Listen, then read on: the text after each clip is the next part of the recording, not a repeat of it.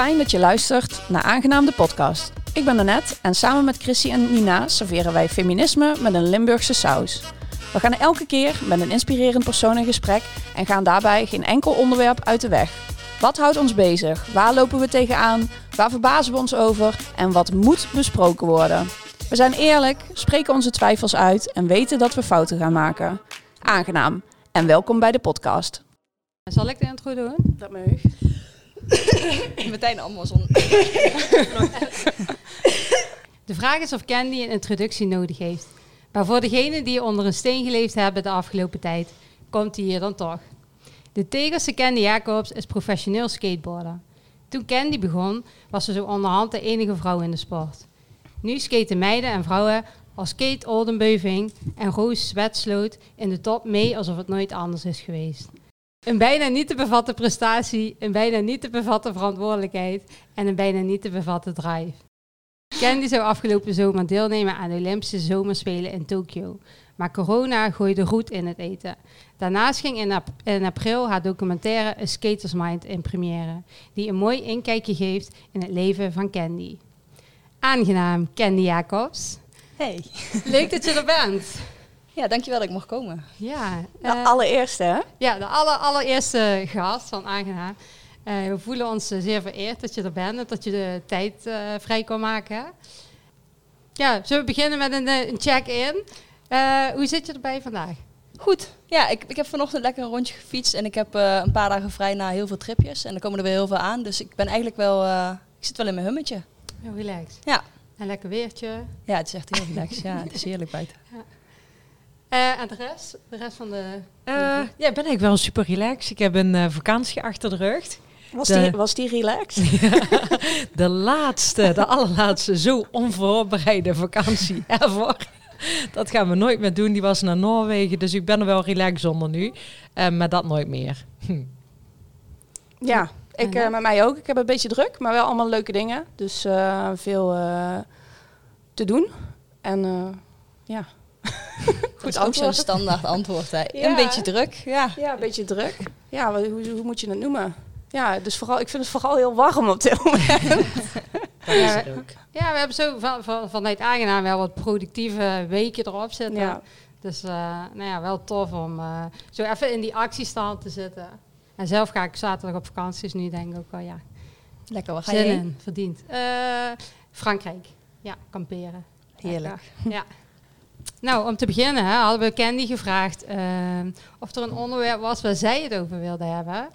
Nou ja, we stellen eigenlijk altijd deze vraag aan onze gasten. Omdat het natuurlijk, eh, we willen inspirerende mensen spreken.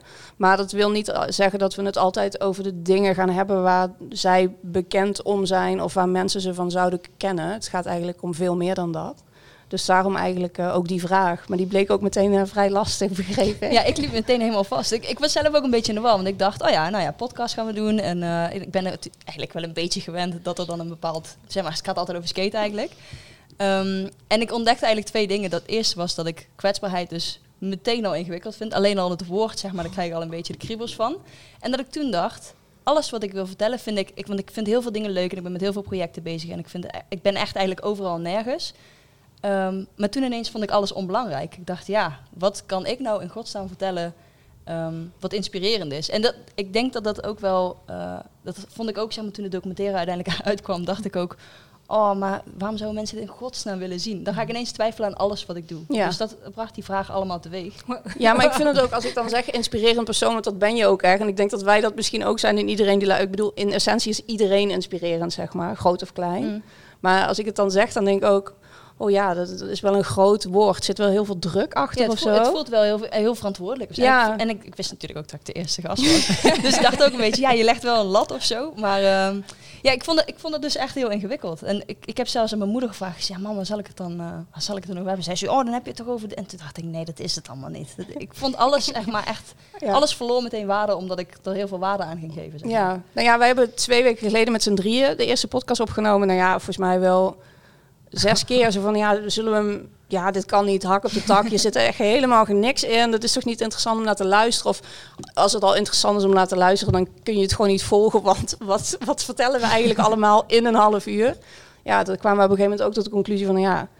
eigenlijk wel. Dit is ook gewoon precies wat het is. We, we gaan dit gewoon doen en we gaan gewoon al doende leren, zeg maar. Ja. Dus ik denk dat, ja, ja, je bent de eerste gast. Dus misschien eh, ligt die lat hoog, maar misschien ligt die juist super laag. En kunnen we gewoon... eh, En we kunnen wel zelf alles bepalen. ja, toch? Dat Ja, wij zijn de baas. Dus Ja. ja. ja. Ja, en ik vond sowieso dat er heel veel kwetsbaarheid in de documentaire ook eh, zat. Die, Ja, toch eh, ook wel bijzonder dat je dan zegt dat je juist Ja. de kwetsbaarheid die je laat zien in een documentaire, dat je daar ook meteen het woord is wat je kippenvel geeft. Ja, het is, het is heel gek omdat het toen misschien niet zo voelde, zeg maar. Ik, ik, ehm, ik was gisteren was ik bij een, ik ben een nieuw voedingsplan aan het volgen en toen was ik bij de, ja, laten, we- laten we haar de diëtiste noemen. Volgens mij is ze meer dan dat, maar noem maar even een diëtiste. Eh, en toen vroeg ze ook van, oh, ja, kun je daar dan hulp bij vragen? En toen raakte ik echt een soort van helemaal in paniek. En zei ze, oh nee, ik, ik zie het al, dat gaat hem niet worden. Ik zei, nee, dat gaat hem echt niet worden. Maar En hulp, vragen bij wat dan? nou, ik ga binnenkort naar het wereldkampioenschap. En dat is voor mij een hele belangrijke Mhm. wedstrijd, want daar hangt mijn stipendium en mijn inkomen helemaal vanaf, allemaal ingewikkeld.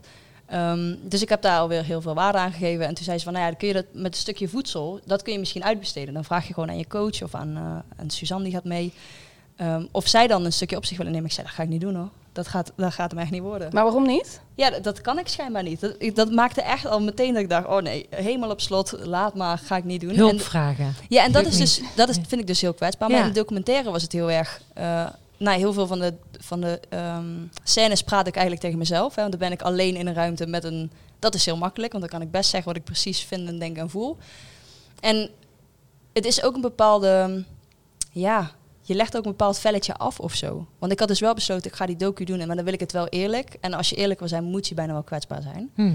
Eh, en dat is wel in het.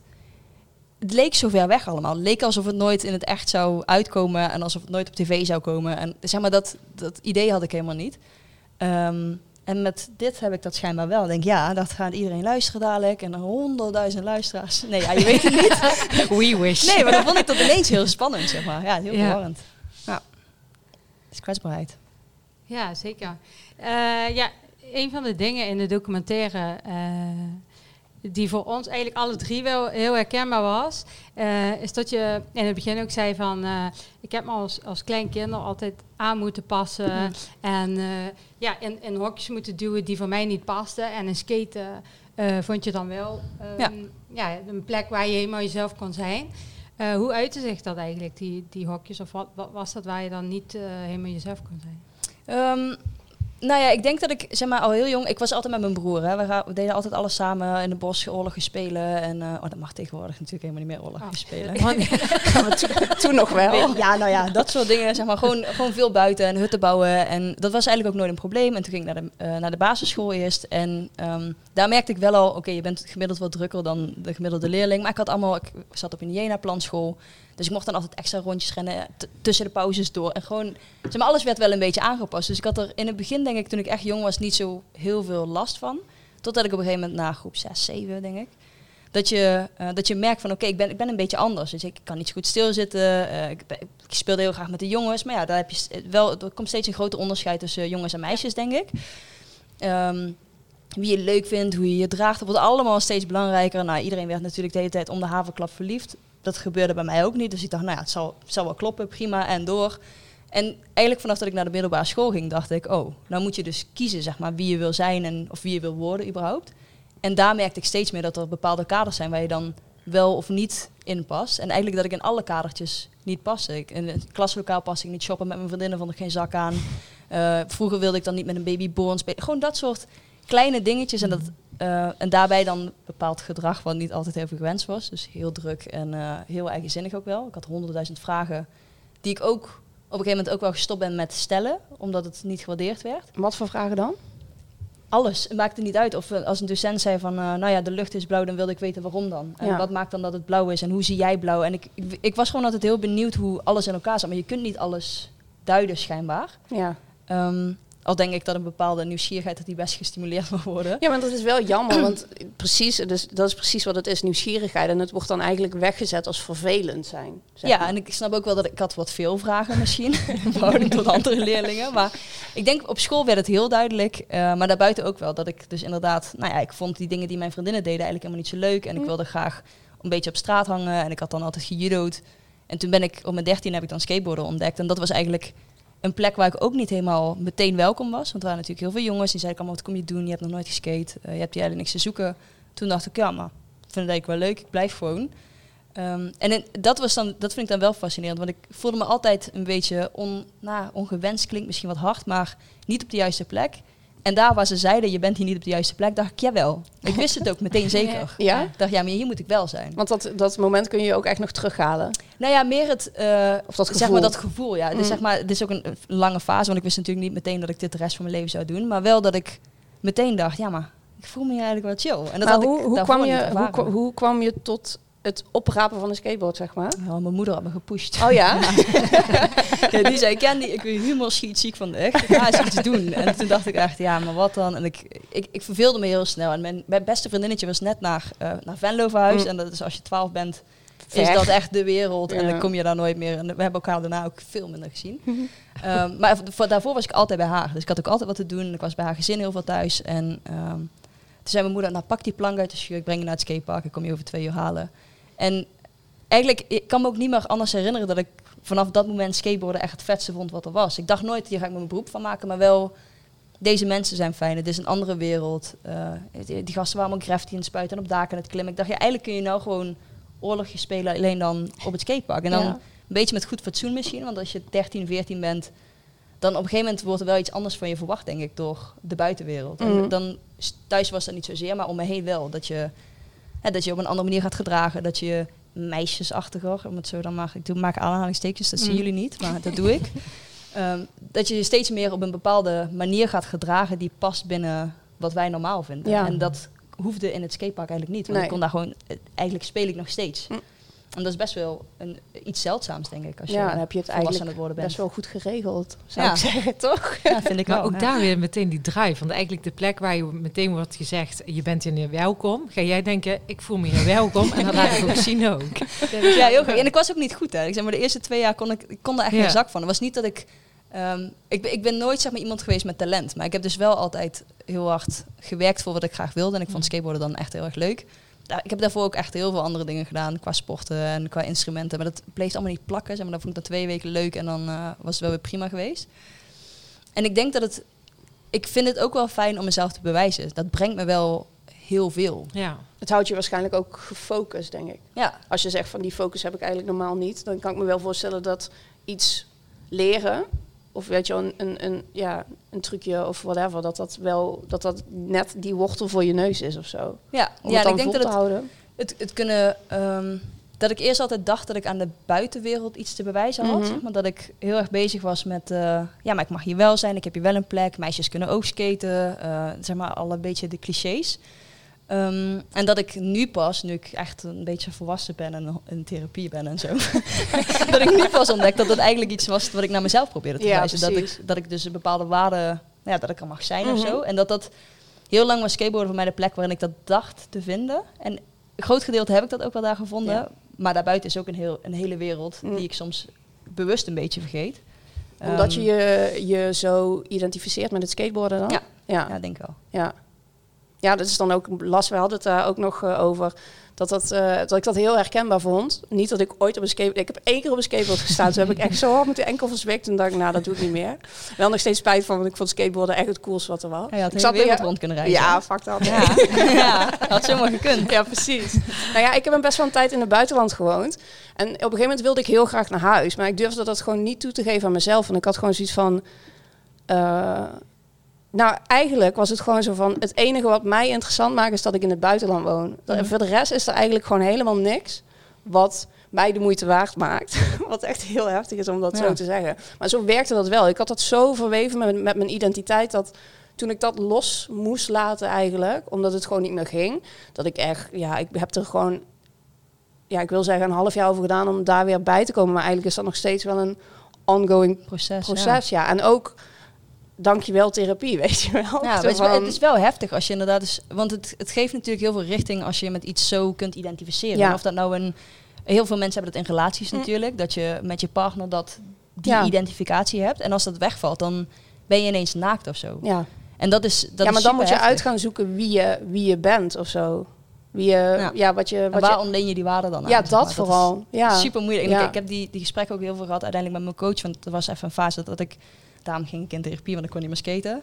Eh, want ik kon fysiek gewoon niet meer skaten, Ja. zeg maar. En ehm, toen had ik met haar ook gesprek. Ik zei, ja, maar als dat alles is waaraan ik me ide- identificeer en waarde aan geef en wat mij de moeite waard maakt, wat blijft er dan in godsnaam over als ik dat, als ik dat weg laat vallen? Ja, En dat was wel ehm, ook een hele confronterende fase die mij wel heel veel geleerd heeft. Maar dus wel, ja, wie wil je in godsnaam zijn als dat... Want is er dan nog iets over? En dat vraag ik me nog steeds heel erg af, Ja. eerlijk is Ehm, ja, maar ook wie ga je dan zijn? Want ik denk dat je daar ook best wel een... eh, dat je daar zelf ook wel de hand, ja, een hand in hebt.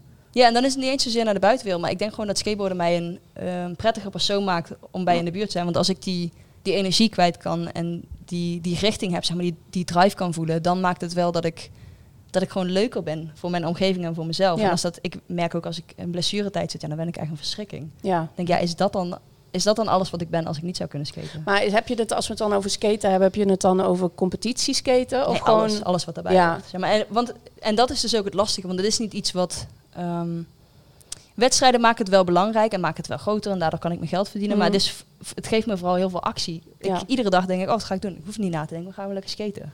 En als ik dat niet kan, dan moet ik dus echt... Dan hobbel ik van de ene activiteit naar de andere Mhm. en dan ga ik inderdaad een uur fietsen vanmorgen en dan ga ik, nu ga ik dit doen en dan straks ga ik even een kopje koffie. En dan moet ik alles inplannen, omdat ik anders gewoon een beetje ga wiebelen al Ja. van één dag niet skaten. dus als je je dan een leven lang probeert voor te stellen, dat is gewoon best wel confronterend. Dat is wel heftig, ja. Maar jij hebt wel je weg gevonden. Ja, ja uiteindelijk wel. Maar dat, ehm, ja, dat, daar heb ik wel heel hard mijn best voor moeten doen. Mm. En eigenlijk ook in eerste instantie in Parijs wel. Maar vooral heel erg toegeven dat dat, dat wat je wilde, dat dat, dat dat niet meer is. Ja, dat het niet meer paste, zeg maar. Ik had altijd met mijn hele grote bek lopen roepen van... en ik ga weg en ik kom nooit meer terug naar Venlo. en eh, kleine stad. eh, eh. En ja, dan zit je op een gegeven moment zit je in Parijs... en ik zat elk weekend thuis en ik kwam niet echt buiten. En ik had gewoon... Nee, het, het, het werkte gewoon niet. Mm. Maar om dan op je woorden terug te moeten komen... daar had Ja. mijn ego echt zoveel moeite mee. Dat was echt niet te doen. Dus ehm, ja, daar heb ik eh, in Parijs heb ik daar volgens mij... Ik heb daar in totaal twee jaar gezeten. Ik denk dat ik die laatste anderhalf jaar wel echt de aanloop Gezeten heb. ook, ja, ja, Alleen oh, ja, de verwoording, ja. ja, nee, dat ik nog niet eens in de gaten dat ik het zo benoem. Maar die laatste anderhalf jaar heb ik echt nodig gehad om naar huis te komen, zeg maar. Ja, maar daarna was het ook wel thuiskomen. En Ja. nu wil ik gewoon nooit meer weg uit Venlo. Dus ja, dat is dan ook wel weer... Als je dan... ehm, als je daar dan uitkomt, dat het ook wel heel... Dat maakt je heel nederig of zo. Mhm. Dat ik ook wel kan lachen om diegene die ik eh, toen was. Ik denk, ja, met je grote mond, weet je wel. Ja. En dan nu gewoon eh, ja, niet meer weg willen. Vind ik dan ook wel weer heel erg lachen. Ja. Wel mooi ook. Ja, toch? Maar daarom is het denk ik ook wel dat er altijd wel iets voor in de plaats komt. Misschien dat je het niet kan benoemen, omdat je nog op dat moment niet in die situatie Mm. zit. Want skaten is er gewoon nog, Ja. je kan het nog. Eh, Ja, je weet het nog niet. Je kunt het niet controleren wat er morgen gebeurt. Of overmorgen of over twee jaar. Nee, dat is altijd van wat als scenario's. Ja, daar kan je er honderd en duizend van bedenken. Ja, en het is natuurlijk ook wel een, is- eh, een scenario waar heel vaak naar gevraagd wordt. Het is een beetje... ehm, ik zit natuurlijk in een bepaalde levensfase. Al Mhm. mijn vriendinnen hebben allemaal baby's en huizen en zijn getrouwd. En eh, iedereen, iedereen doet een beetje zijn eigen ding. Ehm, en die standaard vragen, laten we zeggen, die, die passen niet op mijn leven. Dus de standaard vraag op mijn leven is, oh, hoe lang kun je dit nog doen? En wat is dan een normale leeftijd? Dus ja, dit is constant een, een houdbaarheidsding. En Ja. ik- En dat vind ik ook best een ingewikkelde vraag. Omdat ik het zelf echt niet weet en ik het ook ja, enorm van in de stress raak schijnbaar. Ehm, maar het is een beetje, een beetje een vraag als ik die zou stellen aan iemand en zeg... Oké, je leven is eindig, hè, want uiteindelijk stopt het. Wat, wie wil je zijn voordat, je, eh, voordat het zover is, zeg maar? Nou ja, die vraag kan ik echt niet op een feestje stellen. Terwijl als ik op een feestje ben, is iedereen die zegt... Hé hey, hoe lang duurt het nog, meid? Eh, Ja, ja, Ja. dat is toch, je bent toch al wat ouder, hè? Ja, dat is, eigenlijk is dat gewoon niet oké, zeg maar. Nee, dat is een hele grote vraag. ja. Ja, maar dat is Eh, hetzelfde best dat onbeleefd, vriendinnen ja. van mij die, die ervoor kiezen of die nog geen kinderen hebben of weet ik wat, die dan de vraag Die gesteld wordt van hey, Ja. en eh, je hebt nu al tien jaar dezelfde vriend, eh, wanneer komt er een kind? Ja. Eh. Nou, dat is, super grof dan Ja. soort vragen. En Ja. toch blijven mensen dat doen. Mhm. En of het dan, misschien is het oprechte interesse, maar aan de andere kant denk ik ook ja, realiseer je even wat je vraagt. Ja. Maar je vraagt gewoon echt iemand. Wanneer ga jij misschien wel de belangrijkste keuze van je leven maken? hè? En Mhm. dat is dan op het gebied van misschien een gezin stichten of samenwonen of naar het buitenland. Het maakt eigenlijk niet eens Nee. uit. Zeg maar, zeg gewoon wat houdt je bezig. En Ja. dan, dan kan ik dus schijnbaar geen antwoord geven. Maar Mhm. ja, ik vind het best wel een. eh, het is gewoon een scenario waar veel naar gevraagd wordt. Die dat eigenlijk heel confronterend is en ook best wel een. Geef Ja. je dat ook terug aan degene die de vraag stelt? Nee, want daar ben ik dan weer te laf voor. Want ik denk dan ook, ja, maar het, Ze bedoelen het goede goed. bedoelingen. Ja, Ja. die goede bedoelingen. Daar Ja, word ik altijd ja, helemaal lijp van. Maar het is wel, ja, je zou het bijna een keer vragen. Ja, maar hey, da- dan gaat diegene ook nooit stoppen met die vraag te stellen. Nee, dat niet aan jou, maar ook niet aan iemand anders. Ja. Ja. En ik denk, het lijkt een hele onschuldige vraag misschien. ja, maar dat is het dus niet. Nee. Ja, maar dat is Nee. net als van heb je, heb je al een vriend of heb je Ja. kinderen of zo'n vragen. Ja, dat is ook, kan ja, ook heel ongemakkelijk zijn. En Ja. waarom stel je die? En jij krijgt gewoon meer die vragen van eh, ja, over je carrière en eh, zit het erbij? Ja. Ja, en dat- dat is dan, dat zitten we helemaal in je ident- identiteit verweven. En Ja. misschien is dat ook niet altijd even duidelijk voor, voor de buitenwereld. Al denk ik dat het inmiddels wel redelijk duidelijk is. Ehm, dat ze dat misschien niet zien, dat het zoveel waarde heeft voor mij. Zeg maar, Dat Mhm. het, dit is echt mijn leven. Ik, ik doe niks anders, ik wil niks anders. Ik wil ook niemand anders zijn. Ik wil eigenlijk alleen maar constant skater zijn. Ik vond dat super mooi stukje in de, in de documentaire. Dat ontroerde me ook echt. Toen zei je moeder van... ehm, ja, kun je echt iemand om je enthousiasme mee te delen? En toen Ja. reageerde je ook echt van... ja, ik mis eigenlijk niks. Skaten is, is gewoon de liefde van mijn leven. Ja. Ja, ja dat vond ik echt een heel mooi, eh heel mooi Ja, ik, toen ik dat terug zag, dacht ik ergens ook wel een beetje sneu of zo. Want het is, Nee. eh, want het, is mooi, het is voor mij ook, zeg Ja. maar, ik denk dat ik daarin ook wel ehm, een bepaald gedeelte van mijn ontwikkeling misschien ook wel gemist heb. Omdat ik dus altijd zo'n grote passie heb gehad voor skaten. En dat is echt, echt de liefde van mijn leven eigenlijk. Maar dat ik daardoor wel ook met relaties en zo, ik heb eigenlijk nooit meer een relatie gehad vanaf dat ik skate. Omdat ik gewoon constant zo obsessief met dat ene ding bezig ben, dat al het andere eh, wegvalt. En ik, ik heb ook heel veel met mijn moeder deze gesprekken dat ik zeg, ja, maar ik heb heel veel mensen in mijn omgeving waar ik van houd. En ik, ik snap ook dat dat anders is. Hè? Want zij bedoelt natuurlijk, ik hoop dat je ooit een partner vindt en misschien ook wel kinderen krijgt waar je dan dat mee kunt delen. Maar die, eh, die ruimte is er ook helemaal niet. En misschien bewust, misschien onbewust, dat weet ik niet. Maar Ja, maar als je het dan hebt ook over die rela- eh, relaties, zeg maar. eh, dat je net zei, ik, hang mijn identiteit op aan eh, het Mm. skaten. Eh, maar als ik eh, de documentaire zie, dan zie ik ook veel meer dan dat. En ook een hele lieve tante en een eh, toffe vriendin en een ja, heel zorgzame dochter ook naar je moeder toe. Mm. Ja, en dat zijn ook allemaal dingen die jou eh, identificeren als persoon. ik wel lief Eh, dat je dat zegt. Ja, wat ik daar ook uithaal allemaal. Dus het- ja, zelf ben je misschien, ja, is het gewoon je identiteit al veel meer voor anderen dan Ja. dat je zelf denkt. Nou, het is ook wel die focus op, op die relatie, dat dat dan Ja. het, het al hoogst haalbare doel is of zo. Mm. Dus ik ben zelf ook alleen, ik heb nog nooit een relatie gehad.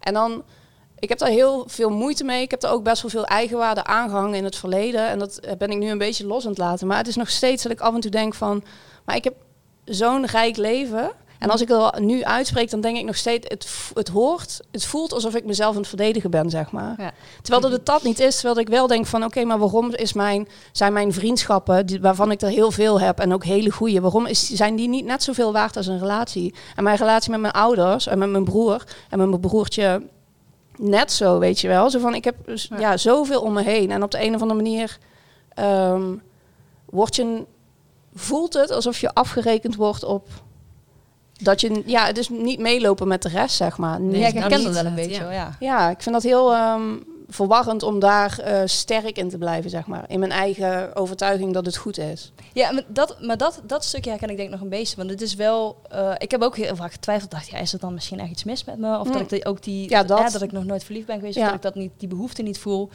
En aan de ene kant denk ik... eh, ik had het met mijn coach, want die zei ook van... Ja, er zijn eigenlijk twee redenen. De ene is dat je aan die aanvulling nodig hebt. Zeg maar als je geen relatie bijvoorbeeld hebt.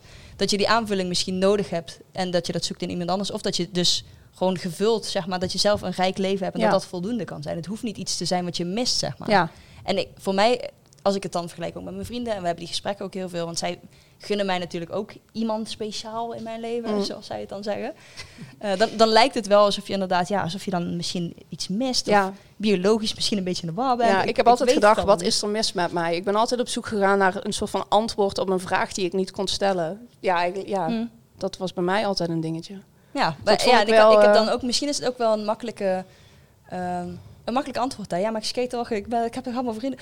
Maar het is ook heel veel dingen die moet je misschien niet willen verantwoorden. En dat Ja. maakt het ingewikkeld, denk ik. Ja, en ook misschien toch wel, weet je wel, want dat is wat Nina zegt, zo van, heb je ze wel eens, als mensen die vraag stellen over je houdbaarheid, zeg Mm. maar.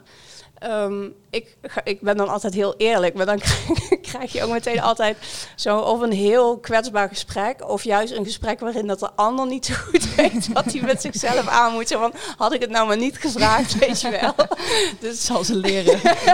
dus misschien kun je dat eens proberen, weet je wel. ja, nou ja, zo ben ik, ik ben, nee, maar soms zacht geworden. Ja, nee, maar ik denk niet. Ik denk van de andere kant moet je jezelf daarin ook beschermen. En als je dan gewoon zo'n antwoord kunt geven van ja, maar skate is mijn leven, skate is mijn liefde. En daar. Ja, en ik denk dat, wel dat ik hele waardevolle relaties heb. En ik, ik vind het ook echt, wat je zegt, ja, tante zijn is echt het allerleukste wat me ooit overkomen is. Zeg maar. Ik vind het echt, ik had, ik had het ook niet verwacht, omdat ik dus ook dacht, er is misschien geen ruimte voor. Mhm. Want dat is natuurlijk ook wel, Om, tan- Ehm, om tante te zijn bedoel nou ja, dat ik, want ik weet wel dat ik een bepaalde liefde te geven heb, maar ik weet ook dat ik heel erg voor mezelf zorg had. Ik ben Mm. heel erg gewend, en dat is natuurlijk ook het fijne van alleen zijn, vind ik, is dat je alleen maar op je eigen behoeften ingesteld kunt zijn. Ja. Ik heb hele waardevolle vriendschappen, maar ik kan ook zeggen, hebben bijvoorbeeld, het is een beetje een gevoelig onderwerp, maar we hebben over twee weken een vriendinnenweekend. Dat heb ik georganiseerd, maar er is een heel tof evenement in Seattle, dus ik ga daarheen. Dus dat was, weet je dan, ik kan die keuze wel maken. Ondanks, en dan, dan neemt het niet weg van mijn vriendschap. Maar dat, dat maakt natuurlijk wel dat je, als je alleen bent, kun je die keuzes Ja. makkelijker maken. En ik dacht dus ook, misschien is er geen ruimte in mij om dat soort liefde, zeg maar zo'n diepgaande liefde te geven. Nou ja, en toen kwam eh, die kleine worm. Toen dacht ik, ja, maar dit is, die, die ruimte is er echt wel. Ja. Dat Ja, is het leuk, fijne aan liefde, ook. denk ik. Dat kun je eindeloos... Ja, het dat vermenigvuldigt is, dat, ja, dat is er gewoon altijd, zeg maar. Ja. Dat, is niet, dat is niet op of zo. Nee, met die relaties gaat het ook niet om eh, eh, kwantiteit, maar Ja. meer om kwaliteit. En eh, ja, de mensen die echt om je geven, die ja, hoeven je ook niet, misschien niet vaak te zien, maar als je er bent, dat, ja, als je er dan gewoon helemaal bent. En, eh, Ja, en dat is, ik ja, denk dan vooral present zijn, is. zeg maar. Ja, want dat is, want ik, ik, ik heb ook heel lang mezelf afgevraagd, ben ik- dan slechte vriend, zeg maar, naar mijn, naar mijn vrienden? Omdat ik dus heel erg op mijn eigen behoeftes ingesteld ben. En dat ik er gewoon bij heel veel belangrijke momenten ben ik er niet, zeg maar. Als er trouwerijen, verjaardagen, wat mensen dan belangrijk vinden, kersten. Ehm, ben, ja, ben ik gewoon heel vaak op pad. En eh, daar heb ik ook wel heel vaak over getwijfeld. Dat ik dacht, ja shit man, ben ik dan... eh, Hè, blijf ik dan uiteindelijk ook alleen over? Omdat ik al die belangrijke... Maar schijnbaar zijn dat niet de belangrijke momenten. Dat is dus inderdaad als je wel met elkaar bent, dat je dan present bent. En dat je dan ja. aandacht voor elkaar hebt. En ehm, dat ik die kinderen van mijn vriendinnetjes allemaal de, de liefste mensen van de hele wereld vind. Zeg maar. Ik denk dat dat veel belangrijker is dan dat ik met kerst en oud en nieuw en de verjaardag aanwezig ben. Ja, want stel je voor dat je wel naar vriendinnenweekend gaat en niet naar Seattle. Ja, dat kan ook. Ja, maar dan ben jij toch niet te gelukkiger door.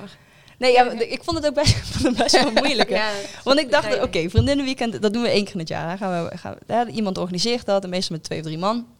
En ehm, ik ging daarover denken. Ik dacht, ja, ik kan nou een super mooi weekend met mijn vriendinnen hebben. Want ik, ik hou echt van hun en er is eigenlijk niks wat ik liever doe. Maar schijnbaar is er wel iets doe. En dat heeft dus iets met skaten te maken.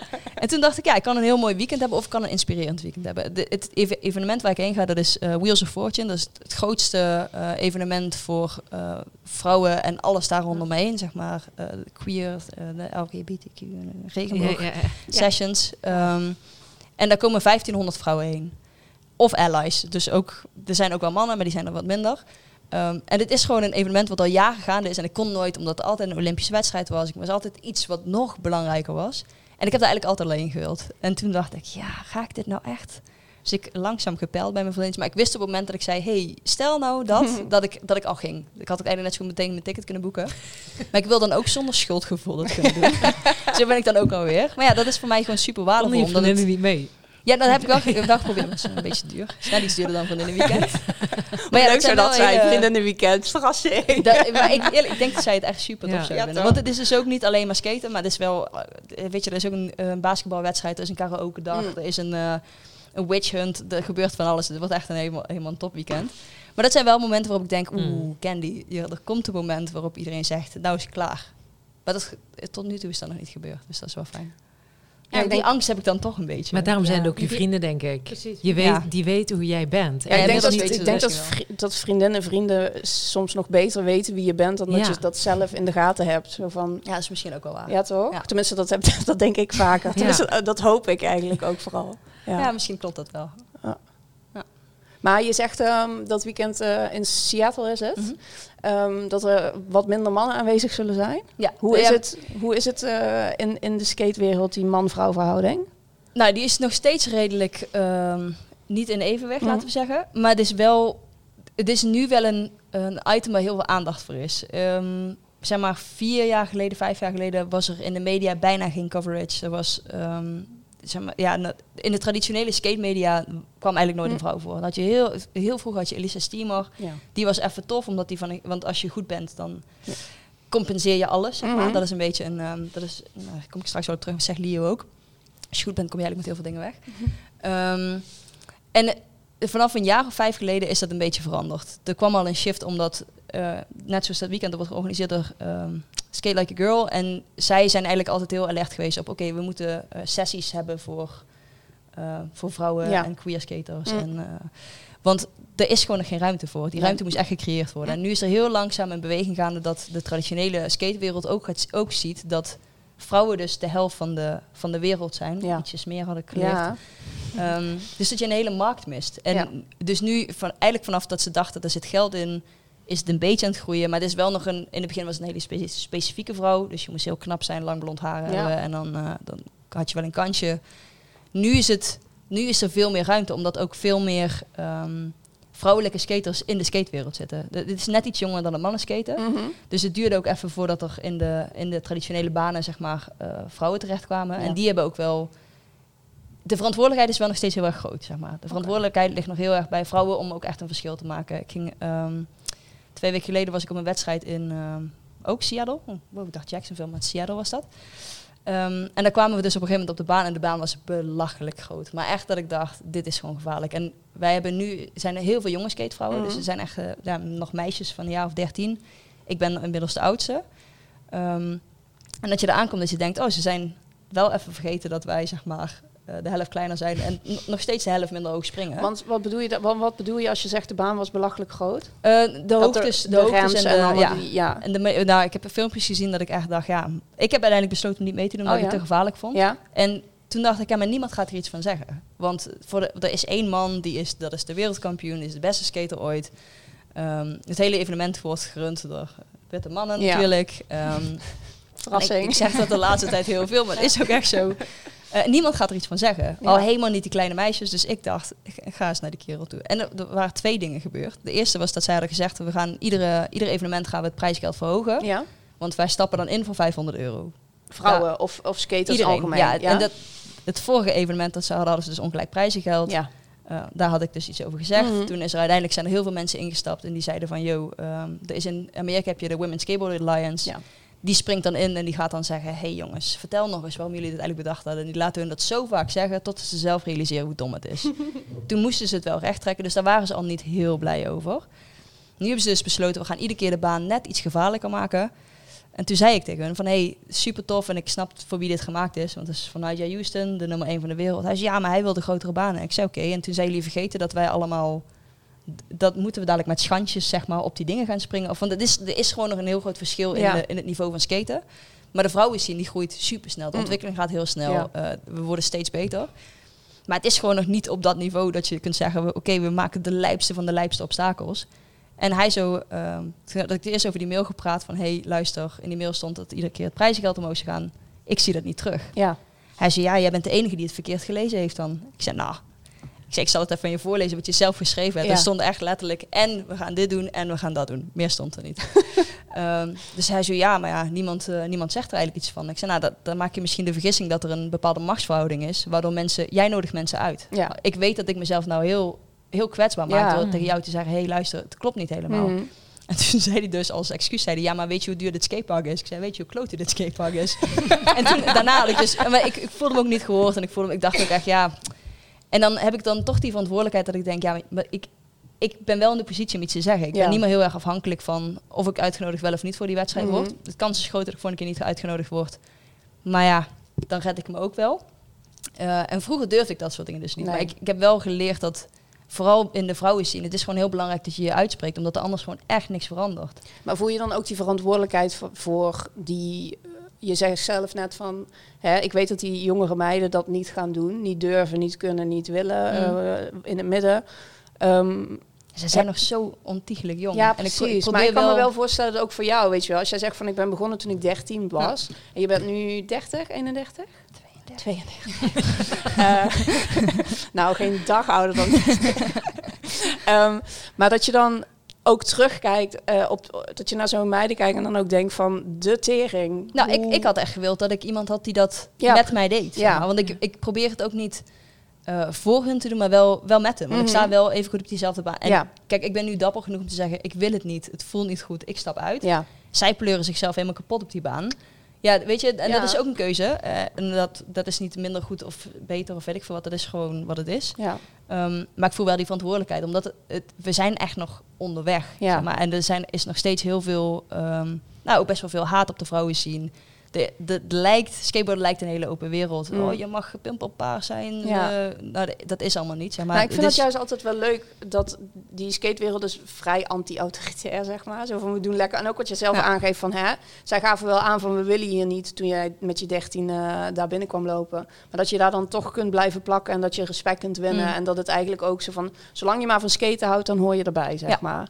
Maar dat het dan dat het toch ergens ophoudt. Ja, nou, ik heb, ik heb laatst hier in het... Ik heb dus mijn eigen skatepark. En daar heb ik voor, eh, laatst voor het eerst een queer session georganiseerd. Mhm. Omdat ik dacht, nou ja, weet je...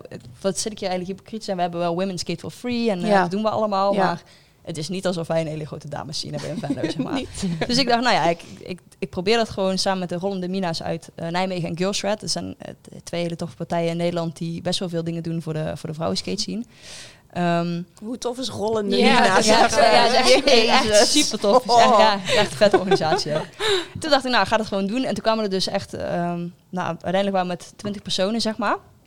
En dat was eigenlijk niet heel veel, maar wel veel meer dan dat ik verwacht had. En dat was een superleuke dag. En dan kreeg ik laatst een berichtje van, yo, wanneer gaan we dat weer doen? Want die mensen komen Mm. niet op een normale dag. Ja, En dan denk ik, ja, maar dan, dan blijkt dus toch dat de skate scene of niet open genoeg is. Ja. Ja, ja ik, ik weet het niet, zeg maar. Mensen die in transitie zijn, durven wel naar zo'n session te komen, maar Mm. durven niet op een normale dag naar het skatepark te komen. nee, dus we doen wel heel open. En, Ja. dat is, en ik denk ook, ik zelf ben daar ook misschien, ja, ik speel daar natuurlijk ook gewoon een rol in, in het normale leven. Dat je soms denkt van, oh, ik ben super open-minded. En dan Ja. blijkt dat je dat in je gedrag misschien niet laat zien of in je, eh, in je bewoordingen of weet ik veel wat. Dus ik denk wel, nou ja, er is dus nog steeds heel veel ruimte voor groei. En vooral binnen het skateboarden, omdat die zo klassieke mannenwereld is. Ja, precies. Ja, ik denk dat we gewoon allemaal blinde vlekken hebben. En dat je dat niet altijd in de gaten hebt of zo. Nee, maar daarom is het wel belangrijk om dingen... En dat, dat probeer ik ook die kleine meisjes uit te leggen. Van je, je hebt gewoon een stem, Mhm. gebruik die alsjeblieft. Ja. Want je mag echt dingen zeggen en die, dat kan eigenlijk... En ik denk als je jong bent, en mij is dat ook heel vaak wijsgemaakt door sponsoren, van ja, maar als je je anders kleedt, of als ik wilde heel graag mijn haar knippen Mm. bijvoorbeeld.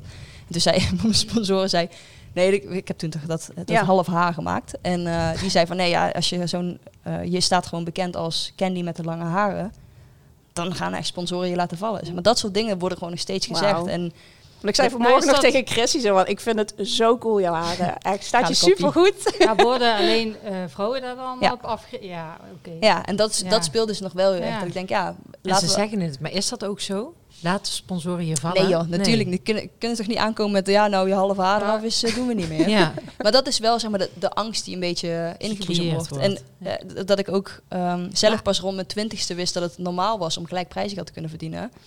Dat is gewoon doordat jarenlang tegen mij gezegd is, ja, maar je bent ook met minder, je zijn ook met minder, eh, je skate ook minder hoge obstakels, je doet minder goede tricks. Dat ik dacht, ja, nee, klopt allemaal. En dat vond Ja. ik super normaal. Dus je moet dat ook van iemand leren of zo. ja, en zien dat nu, dat ben, verschil er is. nu probeer ik dan diegene ja. een beetje te zijn soms. Maar Maar wat goed, want jij hebt Ja. eigenlijk in jouw tijd niet echt een rolmodel gehad die voor jou Mm. eigenlijk de weg makkelijker maakt. Jij bent echt een pionier op dit moment. Ja. Waardoor je het voor de jongere generatie makkelijker aan te maken bent. ja, dat probeer ik wel. Ja, ja. dat is super mooi dat je Ja. dat doet ook. Ja. Ja, het is ook wel. Het is ook dat en dat voel ik wel eh, ook echt als mijn verantwoordelijkheid. Ja. Zeg maar. het, het is niet. En nu kan ik eigenlijk niet anders meer, want ik zie de en dat is zeg maar je wordt steeds bewuster, dus je Mhm. gaat ook steeds meer wel zo'n gesprek, gesprek aan en dan zeg ik misschien nog niet tegen die man die aan mij vraagt wanneer stop je carrière, zeg ik dat nog niet, maar in, in het grote geheel maar, probeer ik wel van hé, hey, er klopt iets niet, ze zijn een stukje vergeten of eh hey, ongelijk prijsgeld alweer, kom op man en vroeger zou ik er misschien gewoon niet heen gaan of niks van zeggen. En nu, Ja. nu zeg ik iets en ga ik er niet heen. Dus het is wel, ja, weet je, het is wel gewoon constant iets waar je, eh, waar je een verantwoordelijkheid voor hebt, denk ik. Weer iets om voor te vechten. Ja, dat, is, dat vind ik dus wel echt leuk. Dat geeft me ook wel iets. Ja, dat uitdaging. brengt me wel veel. Ja. En dus dat natuurlijk het, het prijzengeld en misschien ook de techniek. eh, eh, wat bij vrouwen en queer personen waar nog veel in te groeien is. Maar is er nog meer eh, in de skatewereld waarvan je denkt van daar is nog wel van alles eh, te behalen? Eh, nou ja, sowieso in de, in, het, in de media, zeg maar. Er is nog steeds heel weinig ruimte voor niet-traditionele skaters, laten we het zo zeggen. Maakt niet uit hoe je dan eruit ziet. Er, er is, en er zijn nu, vind ik heel vet, ik skate zelf dus voor merk Crux. Die heeft de, volgens mij de, de eerste, eerste merk dat ooit een transpersoon gesponsord heeft. En wij we zijn nu een beetje zo... eh, ja, dat mag je dan niet zeggen, maar we zijn nou een beetje zo'n clubje geworden van allemaal super erge outcasts binnen de skatewereld weer. En dat Ja. maakt het, dus er is wel, zeg maar, er is daar echt beweging gaande, maar het is gewoon heel klein. En Europa is dan nog net iets slomer daarin, want die, die volgen eigenlijk altijd het voorbeeld van Amerika wat betreft skaten. En eh, nou ja, dat duurt nog tien jaar waarschijnlijk voordat we hier zover zijn. Ehm, maar in de media, ja, sowieso wat je ziet, zeg maar, de skaters die je ziet. En het is nog steeds, als je vaak een skater ziet, dan is het iemand met een jurkje op een skateboard. En eh, mensen zoals ik zul je niet heel vaak in de traditionele media zien, zeg maar. Ondanks, Ja. ja. Wat je allemaal gedaan ja, hebt. Ja. ben goed, dus voor de Olympia. Maar. nee, maar dat, dat telt dan niet, zeg maar. Je moet er wel op een bepaalde manier eruit zien. Dus Ja. dat is wel, eh, daar is zeker nog ruimte in. Oké, ja, zeker. En eh, als we het hebben hier over in de regio, is er nog iets waar wij jou misschien mee zouden kunnen helpen? En dan is de helpvraag vanuit Ja. ons hè, naar Ja. jou. Daar kunnen wij jou Dat is andersom, hè? Ja, dan mag het wel.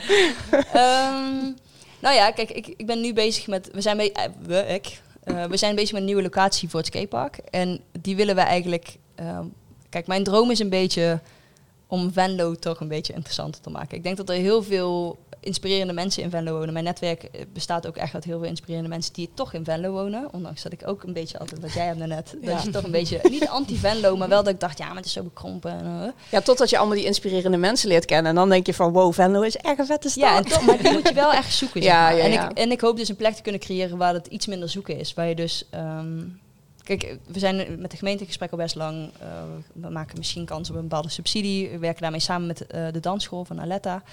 Ehm, Urban, hoe heet zij? Oeh, Minded Motion? Nee, Free Motion, weet ik veel. Minded Motion. Freerunners zijn dat? Minded Motion. Oh, sorry jongens, echt. ik weet het even niet meer. en allerlei andere eh, urban sporten, zeg maar. En daar- daarmee proberen we op één plek een bepaalde, eh, nou ja, toch een, een soort van inspiratie eh, te maken, waarin alles ja. samen kan komen. Cool. Dus ik denk tegen de tijd dat ik eh, dat het echt bekend is of we daar wel of niet terecht kunnen, dat ik dan jullie wel weer eh weet te vinden. Ja, want Ja, ik, ja. ik denk wel dat, het, dat er nog steeds ook in Venlo heel veel ruimte is om, ehm, om anders te leren denken. En ik denk dat mijn doel uiteindelijk is niet eens zozeer, eh, ja, het inspireren vind ik belangrijk, dat, maar ook dat alle mensen een stem hebben. Dat, dat je dus zelf ook leert nadenken, dat je dingen mag vinden, dat je dingen kunt uitspreken, dat je dingen mag leren, dat er ruimte is om gewoon te zijn wie je bent. En ik hoop dat dat dan de plek is waar dat meer kan ontstaan dan... Kijk, nu moet ik op mijn 32e moet ik dingen ontdekken allemaal. Terwijl Ja. misschien als ik die in mijn 15e geleerd had, was mijn leven heel anders geweest. Ja, En niet beter of slechter, maar dan had ik misschien een andere... Ja, ik weet niet, ik ben best wel blij dat ik nu de dingen leer die ik leer. Ja. Dat je wel bepaalde rechten hebt en dat je je stem kunt gebruiken. Dat vind ik gewoon heel belangrijk. ja. Dus ik hoop dat dat ook weer een... eh, dus daar ga ik jullie zeker, eh ja zeker. Maar dat- binnen dat- charteren. Ja, toch? Ja, maar dat is Heel ook een soort van vergelijkbare ambitie. Want dat is ook het doel van deze podcast, om juist die andere stemmen te Ja. laten horen. Ja, er zijn er Eh, echt heel veel. Er zijn Ja, heel veel andere stemmen. Ja. Met als eerste eh, Candy. Ja, ja super, super leuk dat je onze eerste gast wilde zijn. Eh, we wilden nog even afsluiten met de vraag eh, eh, wat we deze week gedaan hebben om de wereld een stukje gelijkwaardiger te maken. Eh Nanette, Ja. kun je daar een voorbeeld van geven? Ehm, ik heb eh, van de week heb ik een, eh, een, een tekst moeten vertalen naar het Engels. En in de Nederlandse tekst stond overal structureel hij. En toen heb ik daar in het Engels lekker there van gemaakt. Oh. Ja, Dus ja, dat. Inclusieve taal. Ja. Eh, ja, ik was dus in Noorwegen op vakantie en daar heb je heel veel eh, toiletten. En dan staat er ook op man, vrouw, minder valide en ook eh, het verzorgen van de baby. Allemaal op één toilet. Ehm, maar daardoor ga ik ook steeds meer kijken naar andere plekken. Van zijn ze wel toegankelijk voor minder valide mensen? Kunnen ze wel met een rolstoel op bepaalde plekken komen? Nou, in Venlo is dat dus echt een drama. Ja. Ja. Volgens mij kun je bij twee plekken, als je een zware elektrische rolstoel hebt, eten. Dat is eh, Hotel Americain en de Bebenders. Oh en dan ja? houdt het toch ook op, tenzij er extra maatregelen genomen worden. Daar heb ik nog niks tegen gedaan.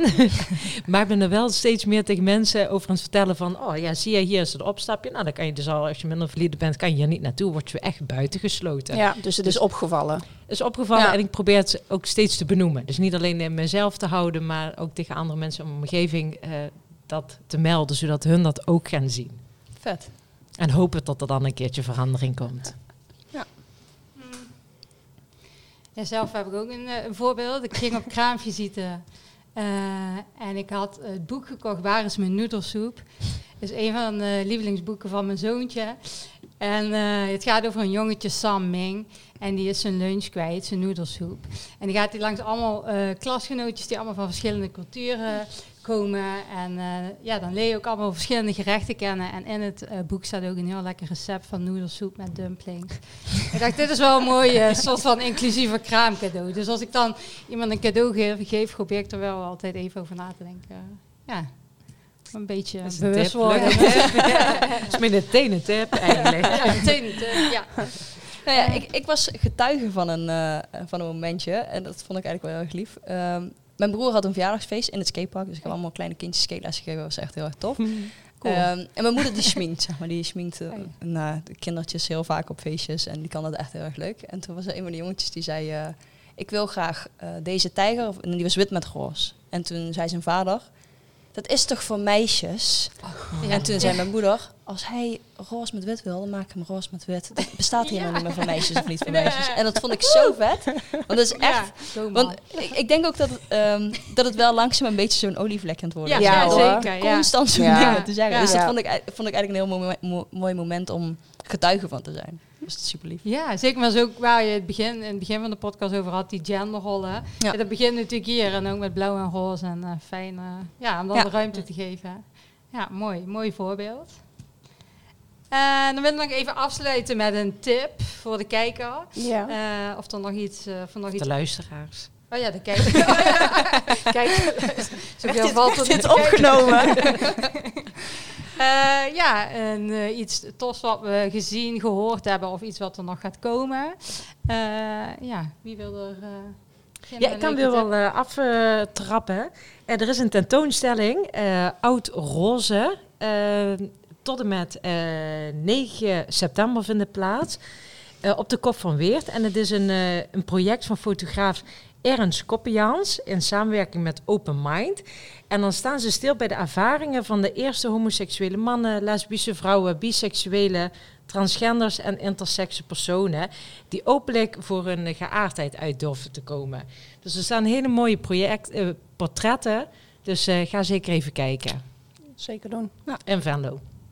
Nou, was dat precies aan de Maas? Ja, bij, de werf, ijssalon. toch? Ja. Ja. Ja, Kun je ook nog een ijsje halen? Ehm, ja, ik ehm, ga 9 september ga ik, eh, reis ik af naar Maas- Maastricht. Ehm, daar is eh, Festival Maas. En op eh, Camping Cosmos staat Club Lam. En die hebben een korte voorstelling Lourdes. En we zijn een tijdje geleden naar Lolita geweest. Ja, dat is en fantastisch. eh, ja, sindsdien zijn we fan. Dus ik heb daar echt ontzettend veel zin in. Al vandaar dat shirt wat je aan hebt. Ja, eigenlijk niet, maar ja, toevallig. Nou, ik heb ook nog wel een kijktip, eh, Netflix kijktip. Eh, de Baker Story heet dat. Dat is een eh, verhaal over eh, een van mijn medeskaters. Die was ook onderweg naar de Olympische Spelen. En eh, eigenlijk onderweg naar de Olympische Spelen ontdekte hij dat hij eh, nou, echt niet meer doorleven kon als zij. Eh is, is een transitie gegaan en eigenlijk op een heel kwetsbaar, ja, belangrijk moment ook wel in, in zijn leven. Eh, want onderdeel uitmaken van de Olympische Spelen, de eerste ooit, was voor mezelf natuurlijk ook wel een thema, heel groot, belangrijk gemaakt. Eh, en hij ontdekt eigenlijk gaandeweg dat zijn mentale gezondheid en zijn wie hij is eh, veel belangrijker is dan dat hele externe spel wat we, wat we allemaal meedoen. Eh, en het is een hele Ja. kwetsbare, lieve, lieve documentaire. Dus de moeite waard. Baker Story. Op Cool, Netflix, hè? Ja. ja. Eh, Wat ja. ga jij tippen? Wat zou ik?